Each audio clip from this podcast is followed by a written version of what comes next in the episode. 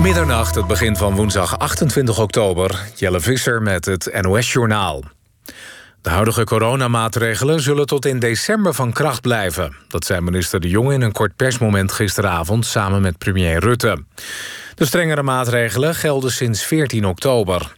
De verspreiding van het virus laat zien dat de gedeeltelijke lockdown... veel langer van kracht moet blijven, zei De Jonge. Voor extra maatregelen is het nu nog te vroeg. Minister De Jonge zegt dat onderzoek van het RIVM uitwijst... dat nu extra maatregelen nemen geen effect heeft op de piek die er nu aankomt. In Italië, in de hoofdstad Rome, zijn gisteravond opnieuw rellen uitgebroken. Er werd gedemonstreerd tegen de coronamaatregelen. Veel relschoppers zijn aanhangers van de neofascistische partij Forza Nuova. Het is al dagen onrustig in verschillende Italiaanse steden. De betogers zijn bang dat er een totale lockdown wordt ingesteld. Dat zou grote financiële gevolgen hebben. In Vlaanderen worden de coronamaatregelen verder aangescherpt. De cultuurhuizen gaan dicht, alle evenementen worden geschrapt. Ook zwembaden en fitnesscentra moeten sluiten. Er is geen einddatum voor de nieuwe regels die vrijdag ingaan... maar over drie weken wordt de situatie geëvalueerd. Volgens minister-president Jambon is vooral het stijgend aantal ziekenhuisopnames in de regio alarmerend. En dan voetbal. Ajax heeft vanavond in de Champions League met 2-2 gelijk gespeeld tegen Atalanta Bergamo. In Italië gaven de Amsterdammers een 2-0 voorsprong weg. Namens Ajax benutte Tadic een trafschop. Uh, even later scoorde Traoré de 2-0. Na de rust kwam Atalanta sterk terug en wist Zapata twee keer te scoren. Volgende week dinsdag speelt Ajax in de Champions League tegen het Deense FC Midtjylland. En dan het weer, veel wind en zo nu en dan regen. Het is een graad of 9. Morgen soms wat zon, maar ook buien. De meeste aan de kust en dan mogelijk ook met hagel of onweer. Het wordt morgen zo'n 12 graden. Dit was het NOS Journaal. NPO Radio 1. VPRO. Nooit meer slapen.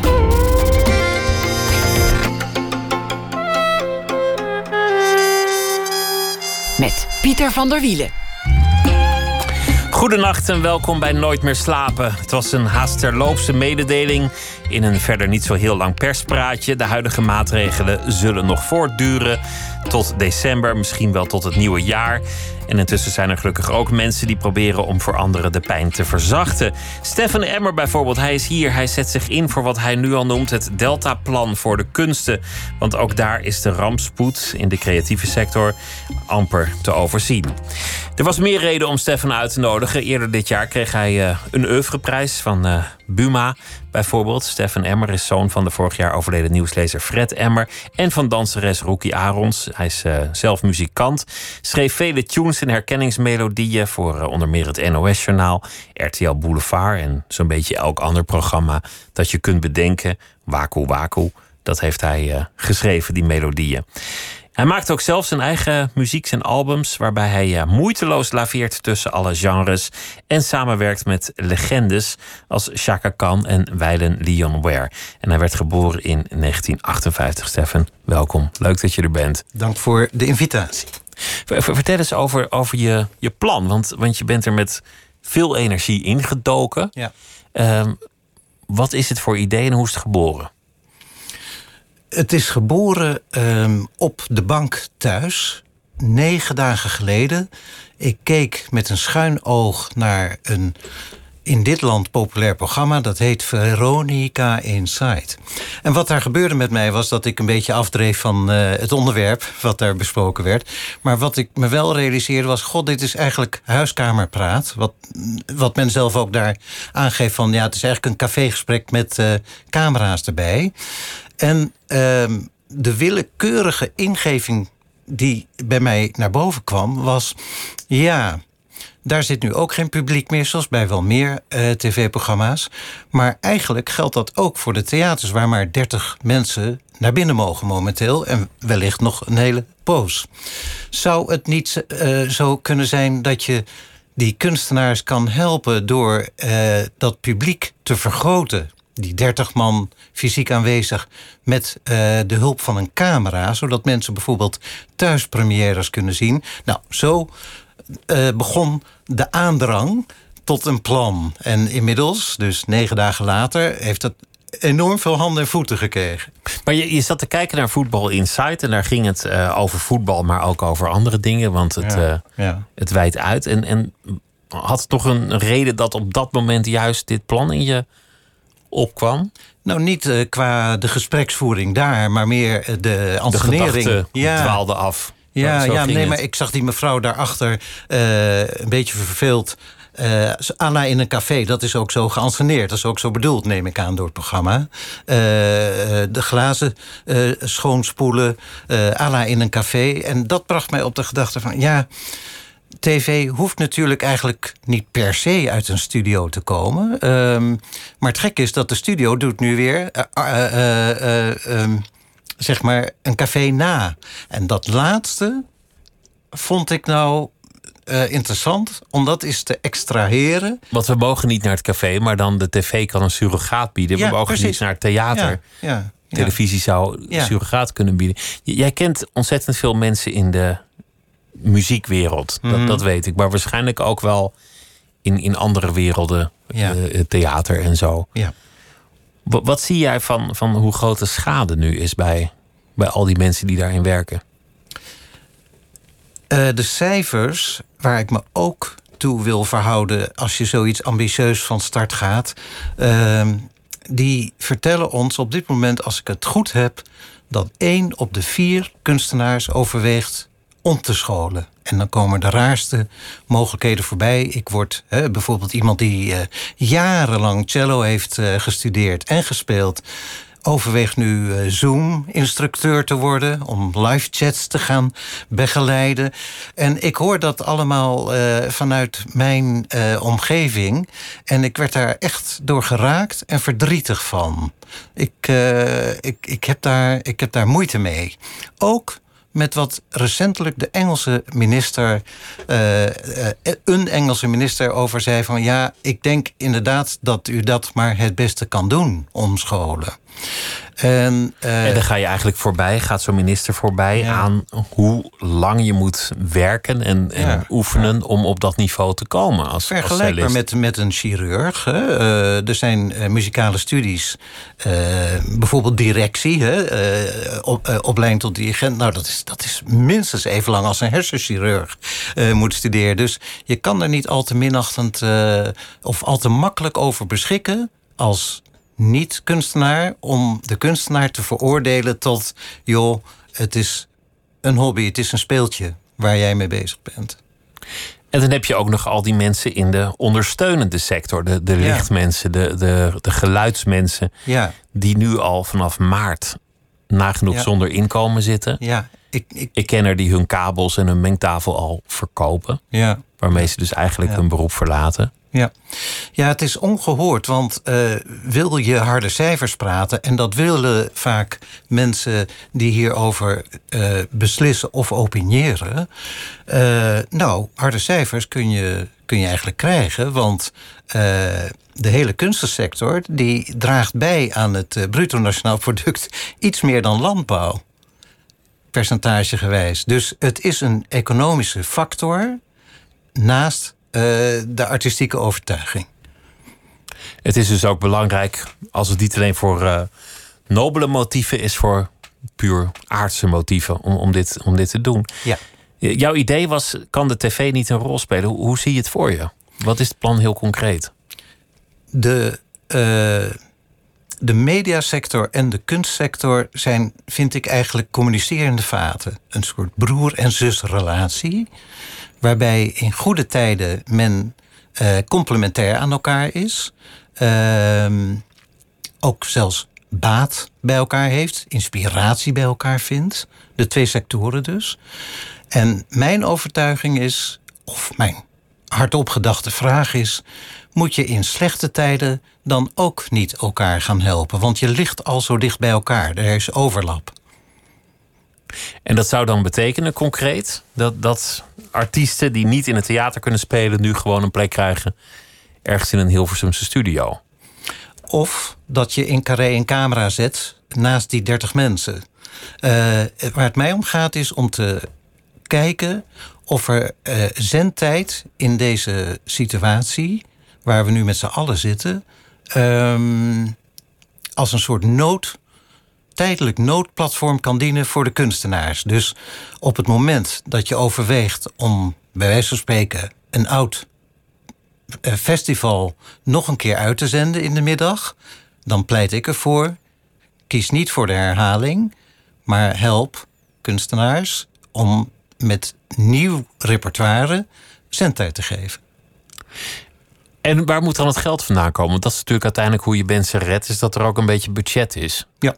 En budget is tegenwoordig nergens. Nee, klopt. Alleen het budget uh, wat de NPO krijgt vanuit de overheid, is gedeeltelijk hier eigenlijk al voor bestemd.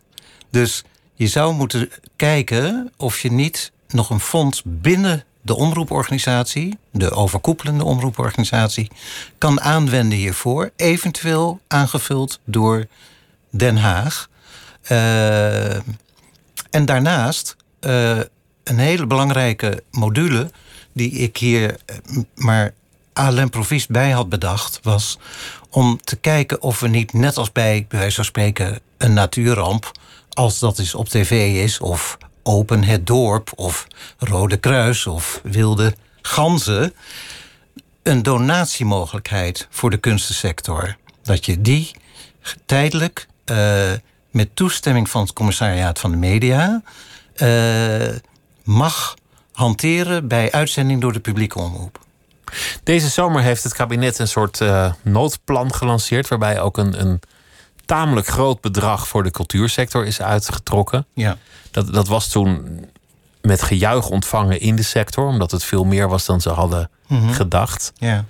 Maar, maar dat blijkt toch niet toereikend. Nee, ook uh, wat ik uh, er aan meen te begrijpen... is dat dat ook in eerste instantie alleen aan de gesubsidieerde kunst is toegewezen. Dus als je al geen subsidie kreeg, dan, dan zul je dit ook niet krijgen. In, Nee. in principe. Precies. Er zijn een paar loopholes te bedenken, maar, Ja. maar goed, die moet je dan Ja. wel heel, heel goed uitwerken. Ja, eh, bijvoorbeeld eh, ehm, ongesubsidieerde toneelgezelschappen. Want ik zit hier eigenlijk niet alleen te pleiten voor meer zendtijd voor muzici, omdat ik toevallig zelf muzikus ben, maar ook bijvoorbeeld toneelgezelschappen, theatergezelschappen. Bij toneel is het wel heel erg lastig, heb ik begrepen, eh, dat je een ongesubsidieerd gezelschap hebt, wat dan eigenlijk zelf de kostuums moet gaan kopen. Eh, en daarvan zegt men tegen mij: dan zou jouw donatie al te laat zijn. Want we moeten het zelf aanschaffen. Dus er zitten allemaal haken en ogen hoor. Ik, ik, ik, Om iets te maken heb je al budget nodig. ja, en dan precies. Ja, komt, de- komt de, de poen pas achteraf Ja. eigenlijk. ja, ja. Je, je hebt al gesproken met heel veel mensen, want, want het, het bleef niet bij een plan en een, en een leuk ballonnetje à la het café van Voetbal Inside. Nee. Hoe ver ben je nu gevorderd? Ik heb inmiddels eh, eh, evenveel gedaan als geleerd. En eh, eh, ik ben terechtgekomen in, een, eh, in mijn. Buiten mijn comfortzone. Mijn comfortzone is dat ik heel introspectief en heel individueel op mezelf muziekcomposities maak. Maar ik heb denk ik de afgelopen ruime week heb ik ja, misschien wel 120 mensen gesproken. Duizelt me. Maar ehm, concreter, er is al interesse getoond vanuit de NPO. Men noemde het eerst in eerste instantie eh, sympathiek. Nou, daar mag iedereen zijn eigen. eh, Ja, ja sympathiek. Dat heb ik ook wel eens gehoord als, als mensen nooit meer terugbelden. Ja, ja, precies. Ja. Ehm, maar ehm, uiteindelijk is het wel zo dat de NPO, waar ik ook kort eh, schriftelijk overleg heb mogen hebben met Shula Rijksman, de directievoorzitter van de NPO. Maar ehm, er is één functionaris gedelegeerd binnen de NPO om dit samen met omroepen te onderzoeken hoe het gestalte moet krijgen. En dat vind ik al een stukje terreinwinst. Maar ondertussen kijk ik al door naar daarna. Maar er zal veel afhangen van eh, van de formule die je hiervoor kiest. Mijn oorspronkelijke idee was nogal wild. Ja, een hele zender en de programmering moet om. Dat zei ik in mijn soort eh, overmoed. Niet jeugdig, maar overmoed. En daar eh, ehm, sprak door te spreken met andere mensen... eh, kwam ik achter de mogelijkheid van een plan B. En dat plan B zou zijn iets eh, kleinschaliger te denken... door bijvoorbeeld aan een hele avond te denken... en niet een hele zender allokeren met een gewijzigde programmering... maar bijvoorbeeld een hele themaavond... zoals we die wel eerder hebben gezien op de Nederlandse televisie. Een benefietavond zoals een Giro 555 Ja. dat normaal zou doen bijvoorbeeld. Ja, ja dat, dat zou al heel wat zijn. Of voor de oudere luisteraars een soort live aid voor de, voor de Nederlandse Open het dorp. kunsten. Open het dorp, Nog zoals je, ouder. zoals je het zelf al, Ja. al noemde. Nee, maar inderdaad, eh, Live Aid, We Are The World. Want eh, ik zeg dat een beetje met een glimlach... omdat het heeft wel een soort kitschy gevoel bij zich. Maar, eh, en het is ook een soort oude... eh, ja, CNA-reclame, People Unite en alles. Maar, maar aan de andere kant, eh, ik sta er wel zo in... dat het dit keer niet gaat om... willen wij eh, hoge of laag kunst eh, hiermee helpen? Nee, alle kunst. Het overleven van de sector staat nog steeds op Ja, het dat staat toch wel echt op het spel. En dan kun je niet meer kieskeurig zijn. Maar waar kunnen mensen meer informatie vinden over jouw actie of over jouw plan? Ik heb eh, hiertoe eh, een kleine week geleden een petitie eh, eh, aangemaakt, zoals iedereen dat thuis eh, ook kan doen. En die heet Red de kunsten op radio en tv. Nou, hele mond vol, maar goed bedoeld. En eh, we, eh, daar hebben nu inmiddels ook sinds vandaag meer dan 700 kunstenaars, maar ook bonden, kunstenbonden, organisaties en kunstliefhebbers, maar ook. eh, ik zie hele hartverwarmende dingen als eh, gitaardocenten uit Delfzijl en eh, van alles door elkaar. Maar ook van Frans Bauer tot Janine Jansen, van de alternatieve band tot eh, Paul de Leeuw. Eh, het resoneert. Het, soms, Pieter, zijn er ideeën die niet per se uniek zijn, maar die, die komen aan. En ik denk dat dit er eentje is omdat het zo breed leeft. Mensen beginnen nu wel echt door te hebben dat Ja. hier iets, Ja, iets, iets moet gebeuren. ja. De, de periode die achter de, achter de rug ligt, wat inmiddels is gaan heten de, de eerste lockdown. Hm. Omdat we aan de vooravond staan, of, of misschien ook gedeeltelijk erin zit in de tweede. En misschien Hm. komt er ook wel een derde. ja. Moet er niet aan denken dat je op een dag denkt de, de, de 23ste lockdown. Hoop, hoop toch dat het een keer ophoudt allemaal. ja. Maar je hebt dat aangewend om, om iets te doen in jouw loopbaan wat, ja, wat eigenlijk altijd al een beetje stond te gebeuren, maar Mhm. nooit was gebeurd. Je bent ineens de klassieke muziek in ja. gegaan. Ja, dat begon eh, kort voor eh, corona deel 1. Eh, en dat werd eigenlijk getriggerd door een boek... wat ik aan het lezen was over componisten en hun huis. En als je in dat boek leest en bladert... dan zie je dat er vaak sprake is van een, iemand die alleen woont. Dus bij Ravel en een aantal eh, grote klassieke componisten. Want het huis van Ravel kan je nog bezichtigen, geloof ik zelfs. Hè? Dat is een, een, een klein museum. Ja, in, in, in Frankrijk, dat klopt, ja. ja. Maar eh, ik was gefascineerd door het gegeven dat je als scheppend kunstenaar een relatie met iets, eh, ja, laten we zeggen, iets materieels hebt in plaats van met een mens. Namelijk jij en de, en de vier muren om je heen en het instrument waar je op speelt, dat is waar de magie gebeurt. En daar is ook aardig over geschreven in dat Engelstalige boek. Maar goed, ik vond dat eigenlijk wel iets van, ja, ik wil ook wel introspectie plegen. Eh, dus je afzonderen. Eh, Gustav Mahler zat ook eh, om weg te zijn van de drukke echtgenote Alma in een tuinhuis te componeren. En dat is de hyperfocus die je nodig hebt, de extra concentratie door je af te zonderen. Ik geloofde in eh, die benadering. eh, in plaats van het met je oude bandleden over... Uh, nemen we in de pauze een witte koetjesreep of niet? En wat moeten de bandnaam niet aanpassen? Dacht ik, nee, nee, dit is wel de zuiverdere weg... naar de, ja, de muziek die eventueel in jezelf zit. En die jij moet gaan ontginnen. Maar ik werd door de tijd ingehaald, want ik was ermee begonnen. En toen uh, opeens was ik uh, zover dat het. Uh, wat was het? Ja, maart. jongstleden was. En, en toen viel dat eigenlijk samen met deze vrijwillige isolatie van mij, dus waar ik net over vertel. Die viel nu toevallig of niet samen met dat we allemaal werden opgedragen. Dus ook niet scheppend kunstenaars. Gewoon iedereen ook ineens thuis tussen die vier muren ja, bivakeren in afzondering. Ja, maar wat ik daaraan merkte was... Uh, maar dat, bijna alsof ik een soort... Uh, ik wil niet de Emiel Ratelband van de kunsten zijn... maar ik, ik, ik zag wel iets wat er gebeurde. Namelijk, ik vermaakte me wel in die uh, zelfisolatie.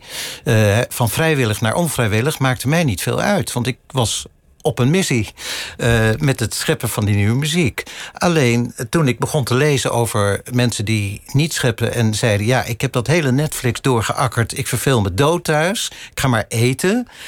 Toen dacht ik: Ja, wat jammer, want je zou eigenlijk door nu te leren breien of piano spelen of lekker koken, zou je jezelf toch nog meer kunnen vermaken. Uh, en je, ja, het houdt je van de straat. Nou, dat album, dat vond ik, kon dan, dan ook niet zoals ik eerder met mijn plaat heb gedaan, door te, te uh, ja, uh, samenwerking te zoeken met een hele hoop anderen. Help mijn vorige platen. Uh, daar deden wel tien of twintig mensen aan mee gemiddeld. En uh, nu dacht ik, nu moet ik ook met de billen bloot als kunstenaar. Uh, niet leunen. Echt helemaal alleen ja, ja, doen. Het is eigenlijk een quarantainealbum geworden. Het is een quarantainealbum geworden. En uh, heb jij nu als, als componist, heb je dan ook wat te vertellen als dat niet is met het leunen op de schouders van de reuzen? Want, want dat deed je eigenlijk met je albums. Dat je, de, dat je had geleerd dat je heel veel mensen gewoon kan bellen, kan benaderen. Ja. Legendes uh-huh. nemen gewoon de telefoon op en vinden het nog wel leuk ook als je, als je iets mailt. Zullen we dit maken? En dan, dan zit je ineens aan tafel met Chaka Khan, ik noem maar iemand. Er zijn er meer.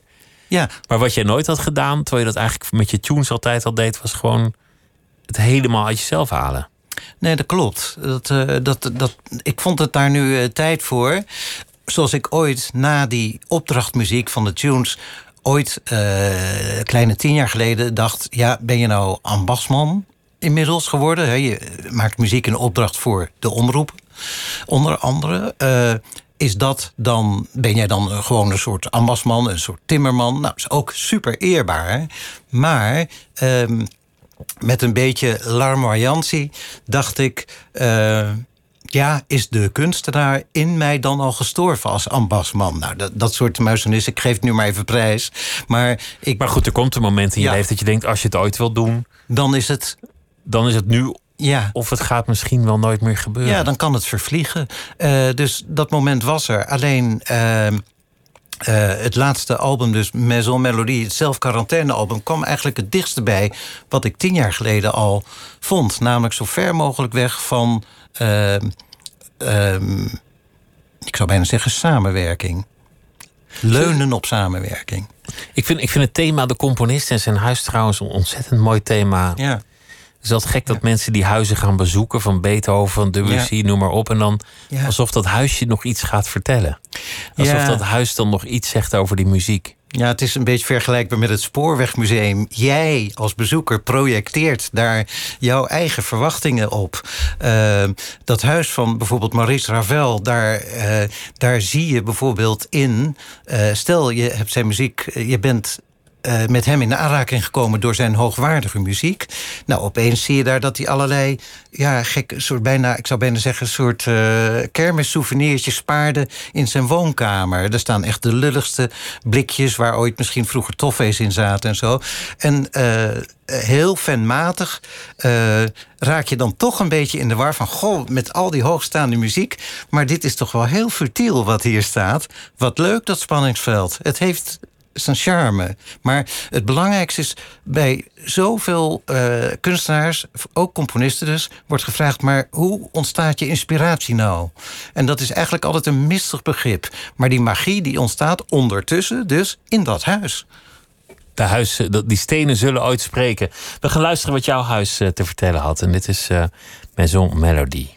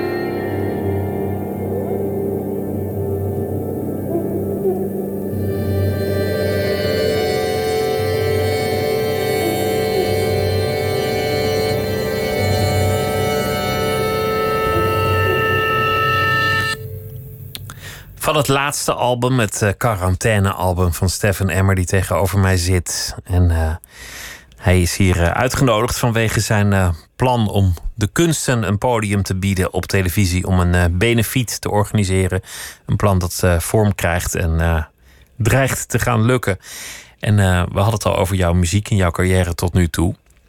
En een ander belangrijk iets dat, dat sinds ons vorige gesprek is gebeurd, is afgelopen najaar. Uh, want je vader is overleden op zijn 85. is toch, een, toch een groot moment in ieders leven, denk ik. Zeker. Hij, uh, hij is eigenlijk ook onverwachts overleden. Het was uh, december vorig jaar, op kerstavond. En toen kwam het telefoontje. En dan moet je als zoon daar met spoed naartoe. Dus ik brak ons kerstavondje met de rest van de familie af, waar hij niet meer bij kon zijn. Uh, daar was hij al te slecht voor. Hij zat in een tehuis. En dan kom je in dat tehuis en dan maak je mee wat de hele wereld meemaakt. Het moment van uh, uh, het besef. Het besef dat hij er niet meer is. Ja. Dat, het echt voorbij is. Ja, en dat, dat moet je dan nog aanvaarden. Uh, en dat proces is voor iedereen heel erg verschillend. Bij mij uh, kwam het in één keer binnen. Echt, ik kon helemaal niet meer nadenken. Het was toch een grote schok voor je. Ja. Uiteindelijk, want hij, hij was 85. Ja, ja. ja. Het is, het is ontzettend flauw, maar waar dat zolang uh, een oude iemand nog leeft, sta je als jonger iemand eh, jezelf denk ik niet graag toe om al te speculeren over wanneer is het afgelopen. Dus dat uitstel, dat komt eh, op het uur u dan als een boemerang bij, althans mij, terug. Ik vond het wel bijzonder om te zien dat hij. Nou, hij is natuurlijk al zo lang weg als, als nieuwslezer. Ja. Dat, dat het toch voor veel mensen wel iets betekende. Dat, dat het flink gememoreerd werd in, in, in de pers. Ja. En dat, dat heel veel mensen toch echt nog wel wisten wie, wie hij was. Hij, Ja. was. hij was allerminst vergeten. Ja. Hoe, hoe was het voor jou om op te groeien met een beroemde vader? Want in die tijd was hij echt wereldberoemd in heel Nederland. Ja, er waren één, twee zenders. En ehm, hij ehm, was er op het moment dat er echt wereld eh, ingrijpende gebeurtenissen plaatsvonden. En dat waren er toen qua berichtgeving nog veel minder dan nu. Maar eh, hij moest aankondigen op een avond aan heel Nederland dat Kennedy was vermoord. En eh, als jij daar de boodschapper van bent, dan, eh, dan, dan, dan krijg je een soort enorme status, ongevraagd.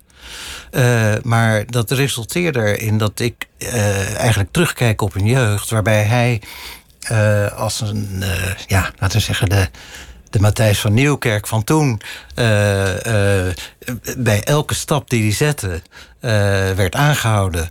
Maar ook wel eens in een park in Amsterdam door een voorbijganger in één klap werd neergeslagen.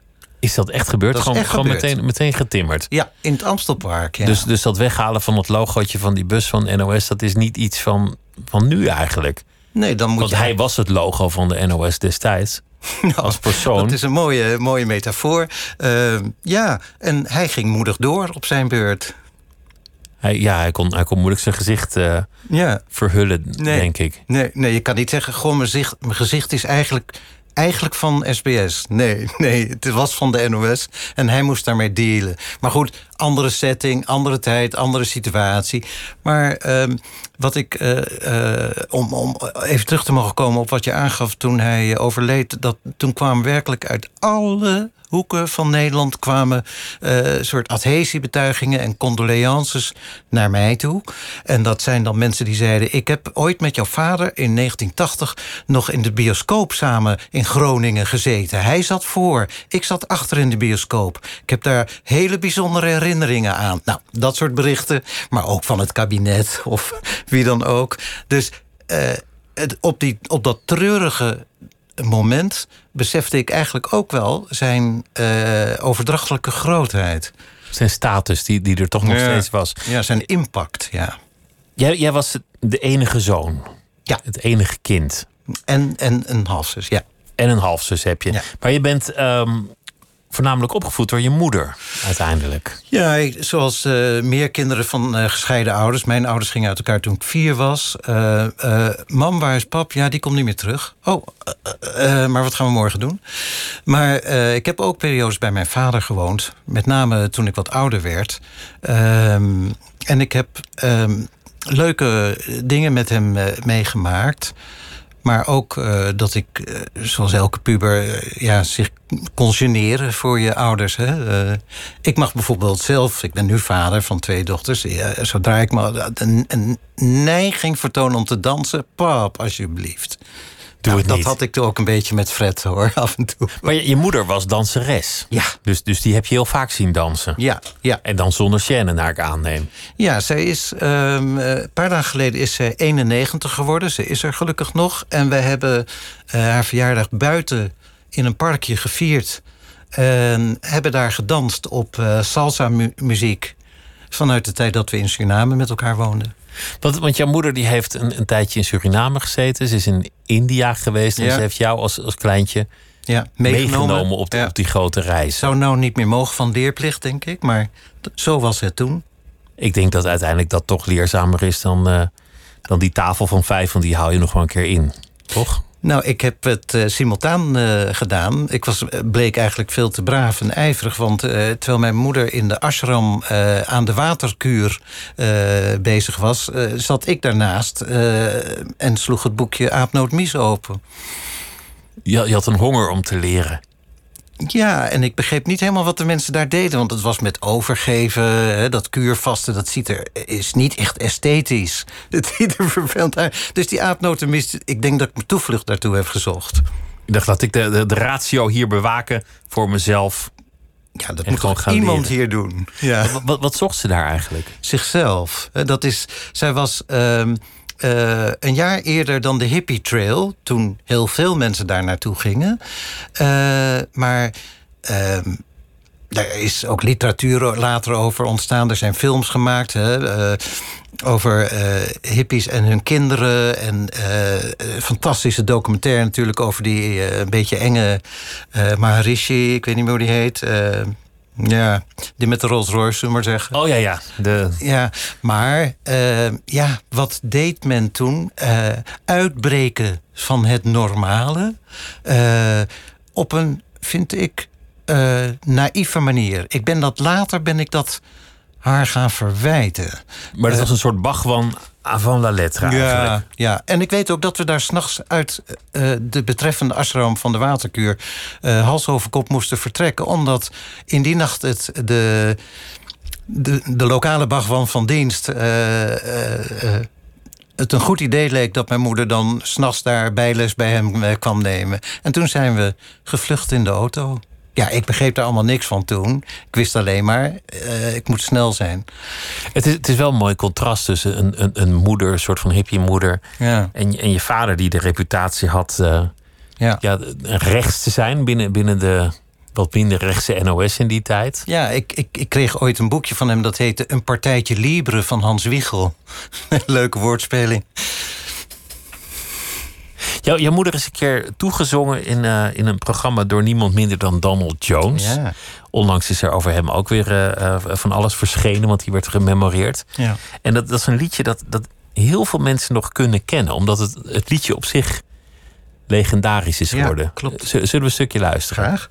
Ik zou je liefste in een doosje willen doen. Je bewaren, heel goed bewaren. Dan laat ik jou verzekeren voor anderhalf miljoen.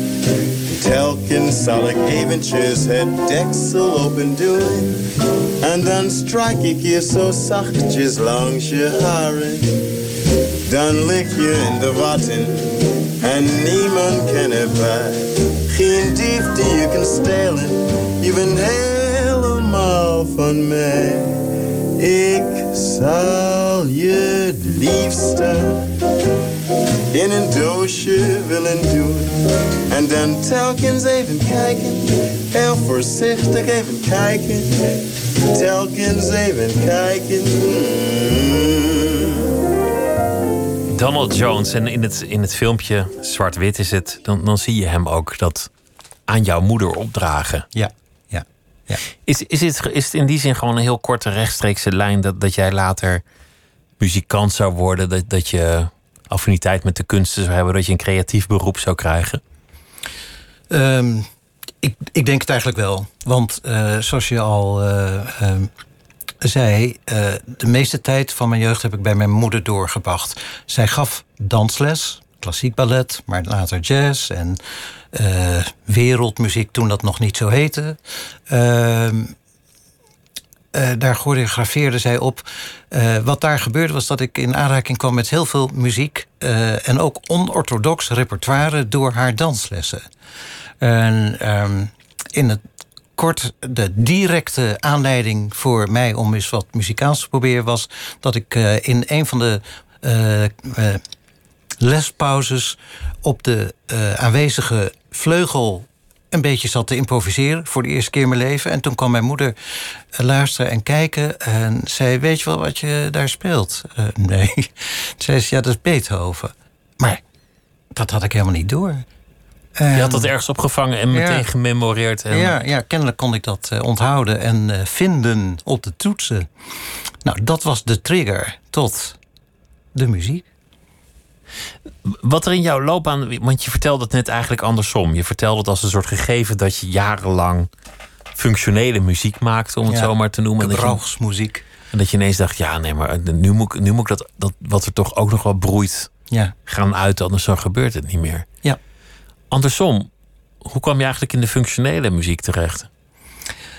De vorige economische crisis uh, in de tachtiger jaren was ehm, er een waarbij werd gezegd: no future. En dus onze generatie, die toen in de twintig was, moest uh, daar dan maar uh, zijn of haar weg in zien te vinden. dat was heel ingewikkeld. De subsidies werden net als nu kleiner. En ehm, ik dacht toen, ja, dan moet ik. Uh, uh, maar dan niet in een bandje een wild statement alleen maar maken over hoe de maatschappij moet veranderen. Maar dan moet ik eigenlijk toch ook maar geld verdienen. Want eh, er bestaat niet eens meer een uitkering. Het was ook mijn eer te na hoor. Maar uiteindelijk heb ik toen per ongeluk voor mezelf een businessmodel gevonden. Namelijk opdrachtmuziek betaalt de huur. En uh, in mijn uh, resterende tijd kan ik dan mijn autonome werk maken. Ik weet dat ik dat begin 80 ongeveer uh, ging proberen. En dat lukte ook. Maar dat uh, collega's van mij toen zeiden: uitverkoop. Maar de, de, de sfeer, want, want jij zat onder meer in een bandje dat toen best wel furoren maakte. Mini Pops heette dat. Ja, in Engeland. Waar, waar, waar ook Gerard Walhof nog een, een, blauwe maandag bij heeft gezeten. Later VPRO, ja, ja, radioban. Ja, ja. En dat bandje brak op merkwaardige wijze ineens door in Engeland. Zei Volgens mij hebben ze ook nog zelfs in Amerika ja, rondgereisd. Toert, met Gerard erbij. Ja, klopt hoor. Zat jij er toen ook nog bij? Ik was er toen alweer net uit. Oh ja. Ja, ja. Want uh, um, ik kwam erachter dat ik, uh, uh, net als mijn vader en moeder ontzettend eigen gereid ben. Eigen gereid. En wat, daar, uh, wat, wat ik moeilijk vond was... Het, de hele bandstructuur is er een van uh, compromissen of dictatuur. Even gechargeerd gezegd. En dictatuur ik wil niet onder een dictator, maar ik wil zelf ook niet de dictator uithangen. Dus toen dacht ik, ja, weet je, dan moet je maar op jezelf gaan. Of het is heel veel vergaderen, of het is inderdaad een, een dictatoriale. Ja, ja. Dan was het Steven en de minipops geworden. Ja, en dat, is, dat was in die band een onhaalbare kaart. Want er was een andere kapitein op het schip. Uh, Wally, Wally van Middendorp. Die dat fantastisch heeft gedaan. Hij is overigens nog steeds actief daarmee. Uh, maar uh, mijn pad was kennelijk anders. Over die tunes. Want, want je, je noemde net van, nou ja, oké, okay, een businessmodel. Hoe, hoe zorg je dan dat dat vervolgens lukt? Had je, had je connecties of, of nee, hoe werkt dat? Nee, mijn, mijn, uh, mijn oudste anekdote, die ik ook vanavond weer paraat heb, is dat ik uh, in Amsterdam op de tramhalte stond en er fietste iemand langs die zei: hey, ik heb je plaatje gehoord. En dat was instrumentale muziek, vrijwerk. Hè, dus ik begon met vrijwerk. En uh, erg beeldend. En zo begon het dat ik mijn eerste tune maakte voor, voor bij beeld. En dat was de, de station call van toen nog het Humanistisch Verbond, nu Human. Zo is het begonnen. We, gaan luisteren naar een van de vele, vele tunes die je in je leven hebt, uh, ja. hebt gemaakt. Deze kent iedereen. Hm. Maar als je hem los hoort, dan duurt het toch even voor je, voor je door hebt wat het is. Goed zo.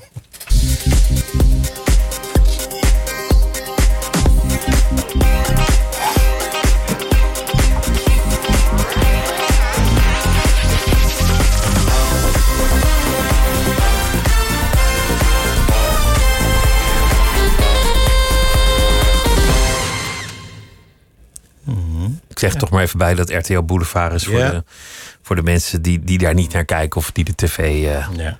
al, al 30 jaar geleden het raam uit hebben ge, gekieperd. Die mensen heb je natuurlijk ook. Ja, ja, Hoe, Hoeveel, hoeveel tunes heb je gemaakt al met al?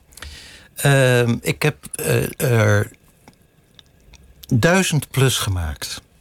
En dat is dat, dat zou bijna onmogelijk zijn als dat is voor verschillende programma's en omroepen in dit land. Hoewel we al heel uh, pluriform zijn.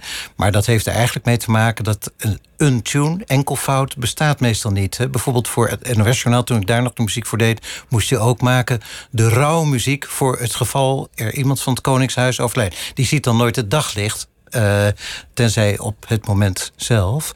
Maar, uh, en die wordt dan één keer gedraaid, maar dat, die, die tel ik dan ook als één. eh, tune. En dan heb je een iets ander geluid voor zes uur dan voor, voor acht uur. En een iets ander geluid voor een tussenpingel dan Ja. voor de openingspingel, et cetera. Ja, ja, ja, want het is toch wel ongepast om met muziek te werken, ben ik achtergekomen, maar eh, meerdere opdrachtgevers in Hilversum ook. Het, het, het geeft geen pas om nou om bijvoorbeeld deze Boulevard tune die we net hoorden, is eh, glitz, glamour, eh, paparazzi, high energy, hoog tempo. Ja, dat past toch echt niet bij het overlijden van eh Weile Prins Klaus. Dus dan moet je iets anders bieden. Anders onderschat je de luisteraar en de kijker ook, vind ik, als programmamaker. Van nou, weet je wat, we spugen dit er nog maar uit. We hebben haast en eh, next. Nee, dat, daar moet je respectvol mee omgaan. Muziek kan bijdragen aan het respect van eh, eh, het onderwerp waar je mee bezig bent. Een goede tune is het halve werk. Als de tune niet goed is, dan wil het niet zeggen dat het programma niet goed zal zijn. Nee. Maar het verraadt wel een slordigheid van denken die weinig goeds belooft voor de rest van de show. Mooi gezegd. En dat, dat is me wel vaak opgevallen. Mensen die denken, ah, pakken we even een tuentje. Die denken over andere dingen misschien ook niet zo heel diep na.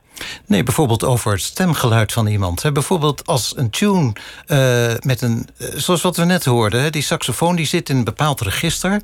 die het leidmotiefje doet van die tune.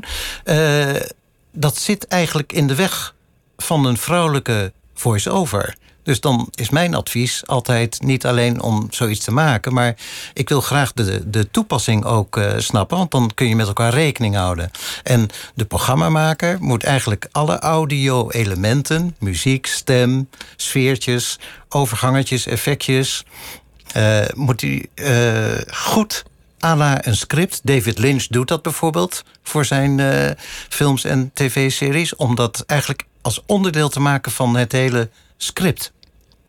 Bij de NOS was het in het begin plechtig. Het, mo- het moest gezag uitdragen. De grote gong Ja. was daar altijd. Ja. Later moest het, moest het juist ook verlichting bieden. Ja. Dat, dat het een rustmoment moest creëren. Ja. Je hebt, je hebt eh, op een zeker punt ook nieuwsgeluiden heel subtiel er doorheen ge- Ja. gemixt om wat urgentie mee te geven. Ja.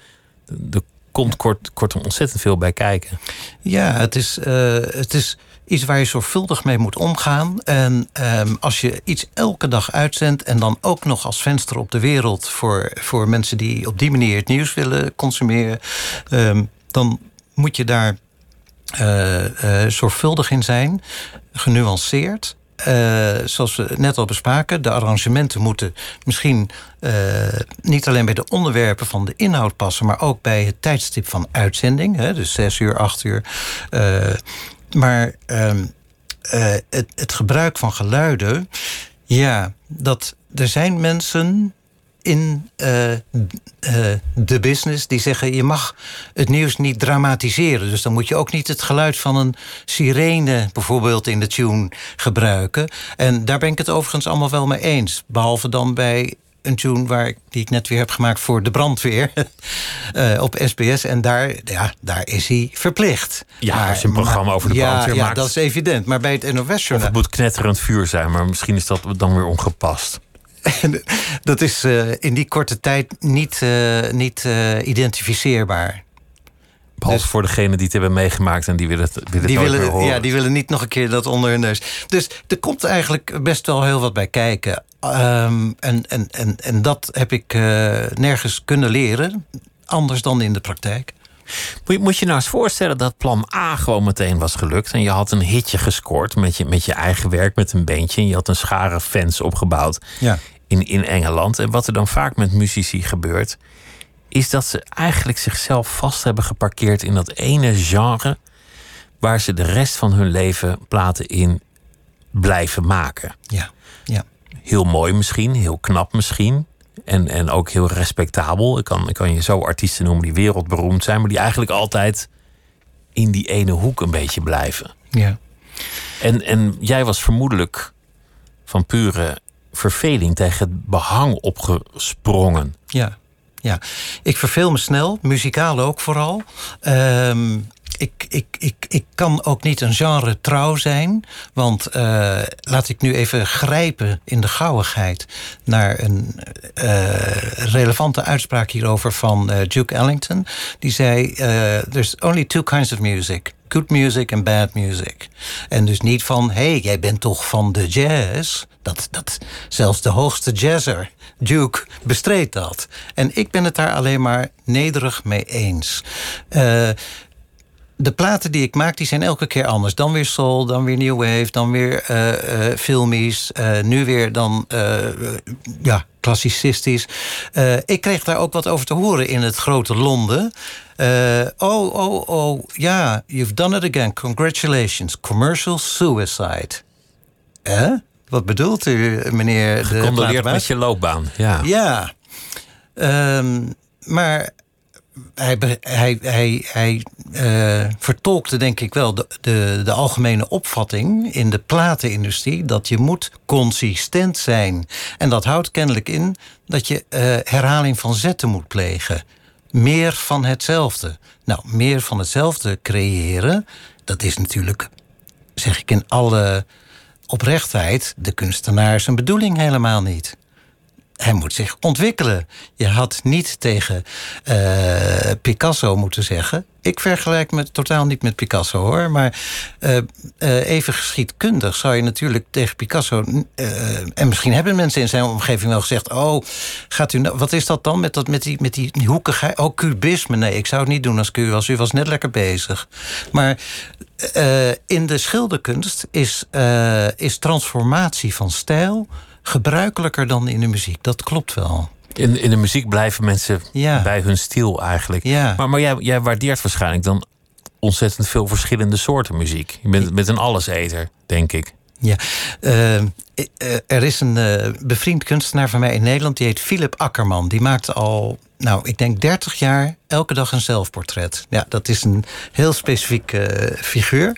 En die schreef mij eens een briefje en die zei... Oh, wat lijkt mij dat moeilijk om uh, uh, jou te zijn. Want je hoofd is zo druk met al die informatie over verschillende stijlen, genres, spelopvattingen. Wat, wat, wat lijkt me dat lastig, maar geweldig.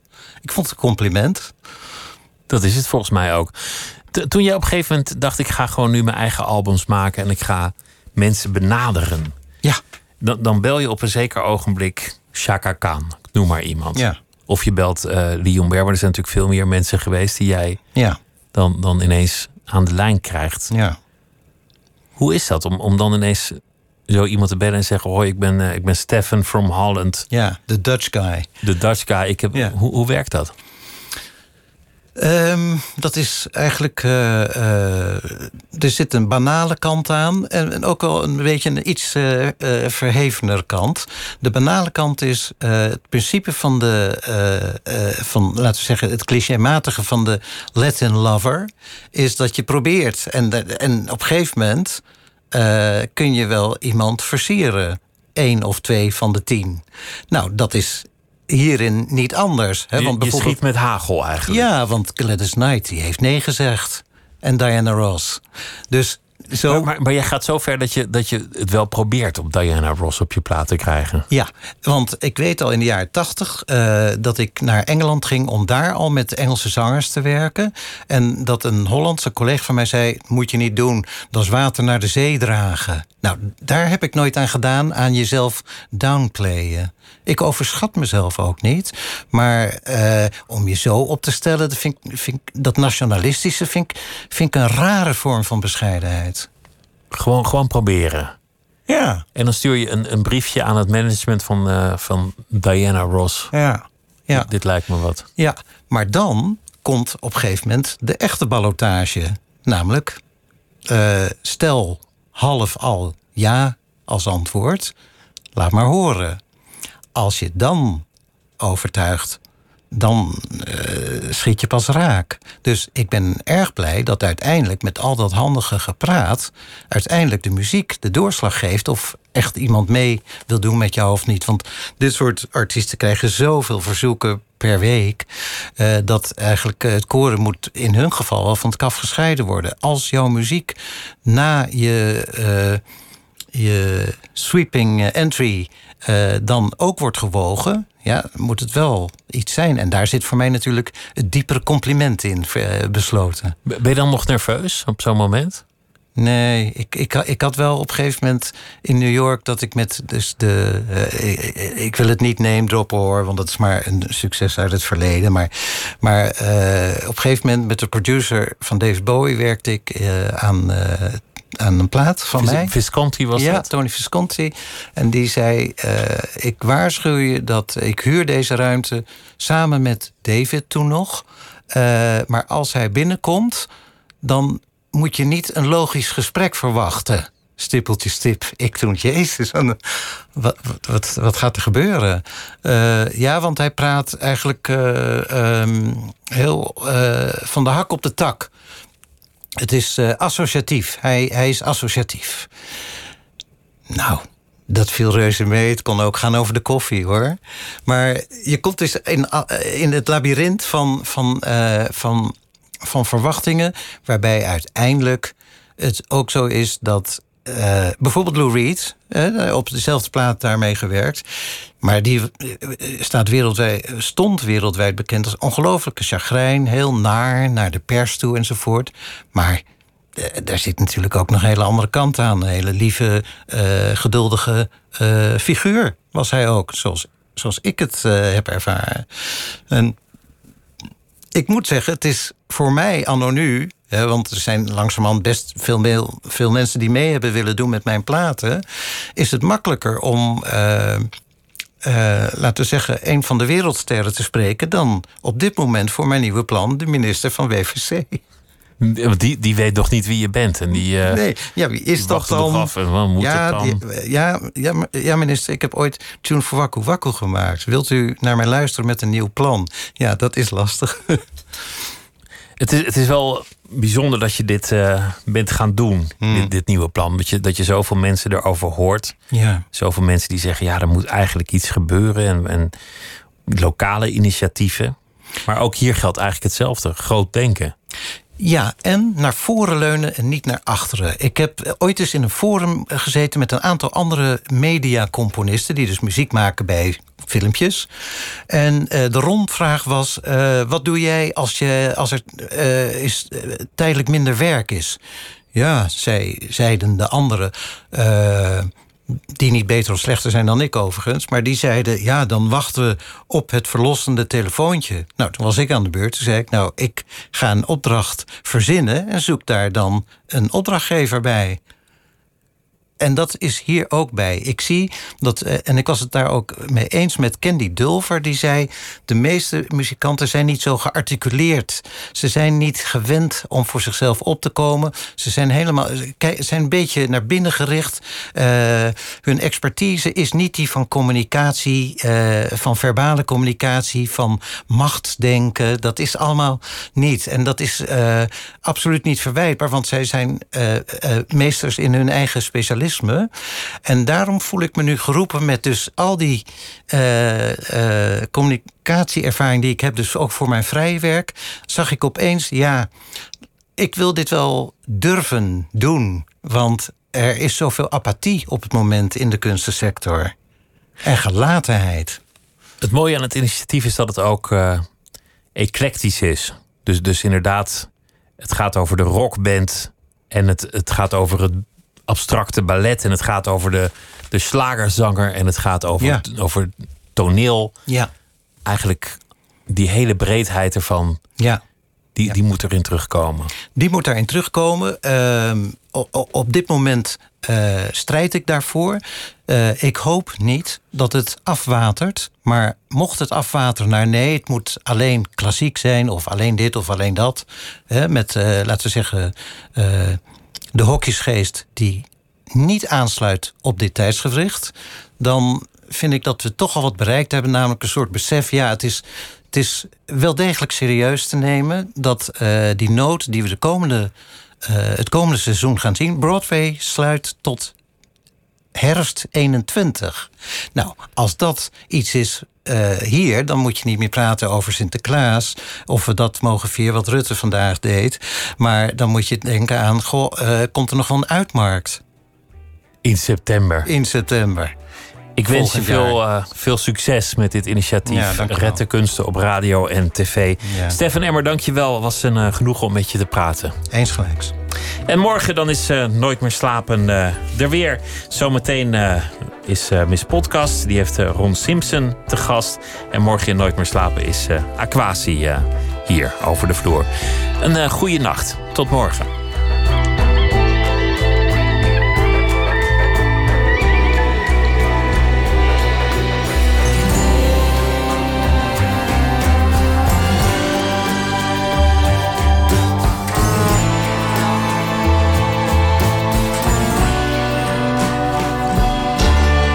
Radio 1. Het nieuws van alle kanten.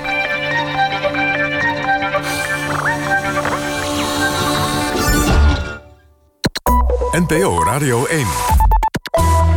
1 uur.